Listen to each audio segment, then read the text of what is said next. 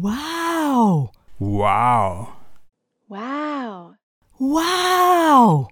Wat een fantastische lichtshow! Het Noorderlicht. Het afgelopen jaar kon je het een paar keer zien, gewoon in Nederland. Prachtige groene, paarse, witte of blauwe strepen in de donkere lucht. Maar wat is dat eigenlijk, het Noorderlicht? En waarom zie je dit mooie natuurverschijnsel meestal alleen dicht bij de Noordpool of de Zuidpool?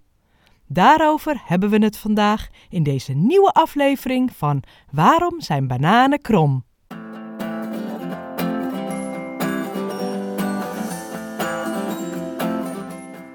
Welkom bij Waarom zijn bananen krom? De Nederlandse wetenschapspodcast voor kinderen. Mijn naam is Esther Walraven, ik ben wetenschapper en schrijfster van de superleuke Waarom boeken, waarin wetenschappelijke onderwerpen eenvoudig en grappig worden uitgelegd. In deze podcast krijg je in elke aflevering antwoord op een boeiende vraag. Dus zet je koptelefoon op en gaan met die banaan.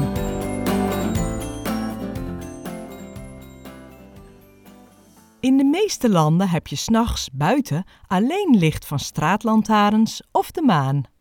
Maar woon je in IJsland, Lapland of het noorden van Canada, dan heb je kans om s'nachts een heel bijzonder licht te zien: het Noorderlicht.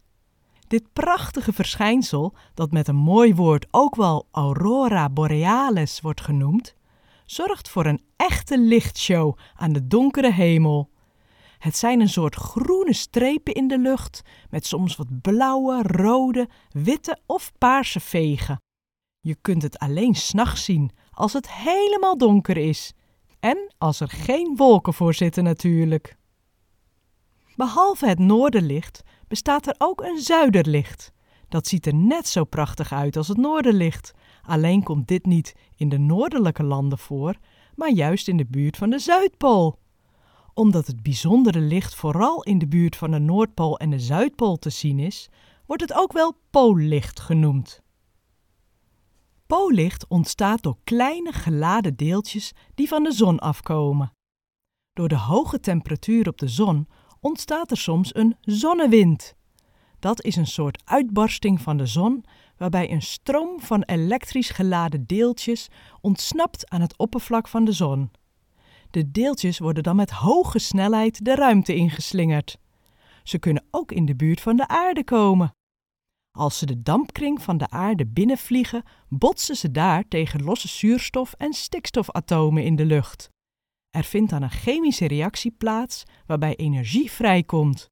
En die energie zien wij in de vorm van licht, het poollicht. Welke kleur het licht heeft, wordt bepaald door de deeltjes waar de zonnedeeltjes tegenaan botsen. Als ze tegen zuurstofatomen botsen, wordt het licht groen of rood. Botsen ze tegen stikstof, dan krijg je blauw, paars of rood licht. Het maakt ook uit op welke hoogte de botsing plaatsvindt. De hoeveelheid zuurstof- en stikstofdeeltjes verschilt namelijk per hoogte. Daardoor zijn de kleuren bij botsingen op verschillende hoogtes anders. Groen licht komt het meest voor. Maar ben je verder van de Noordpool, dan zie je eerder rood licht. Dat het poollicht vooral in de buurt van de Noordpool en de Zuidpool te zien is, komt door de elektrische lading van de zonnedeeltjes. Die zorgt ervoor dat de deeltjes naar de polen van de aarde toe worden getrokken. De polen zijn namelijk magnetisch. Denk maar eens aan de werking van een kompas.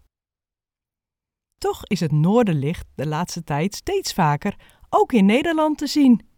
Dat gebeurt alleen bij heel hevige zonnestormen. Eén keer in de elf jaar is de zon heel actief. Er zijn dan extra veel en extra hevige zonnestormen. 2024 is zo'n heel actief jaar. Dit jaar is de kans om het noorderlicht te zien dus extra groot. Houd de lucht dit jaar dus maar goed in de gaten. Het moet dan wel onbewolkt zijn, met heel weinig maanlicht en omgevingslicht. Zo, jij weet nu precies hoe het zit met het noorderlicht. Maar wist je dat de mensen dit vreemde licht vroeger maar eng vonden? Door de jaren heen bedachten ze allerlei verhalen over het ontstaan van het noorderlicht. Sommige mensen geloofden dat het noorderlicht werd veroorzaakt door de goden. Anderen dachten dat het kwam door vulkaanuitbarstingen op de Noordpool. Of dat het de geesten waren van hun voorouders. Veel van de oorspronkelijke bewoners van Lapland, de Sami, waren bang voor het noorderlicht, omdat ze dachten dat het gevaarlijk was. Gelukkig weten we tegenwoordig dat het komt door de deeltjes van de zon en kunnen wij nu volop genieten van dit prachtige verschijnsel. Wauw! Leuk dat je weer luisterde naar Waarom zijn bananen krom? De Nederlandse wetenschapspodcast voor kinderen. Vond je het leuk om te luisteren? Abonneer je dan op deze podcast, zodat je geen aflevering meer mist. Superleuk als je een review achterlaat. Heb je zelf een leuke vraag? Laat het me weten via Insta of TikTok, @estewalraven, of stuur me een berichtje via estewalraven.nl. En ben je benieuwd geworden naar mijn boeken? Ren dan naar de boekhandel of de bibliotheek en ga snel lezen.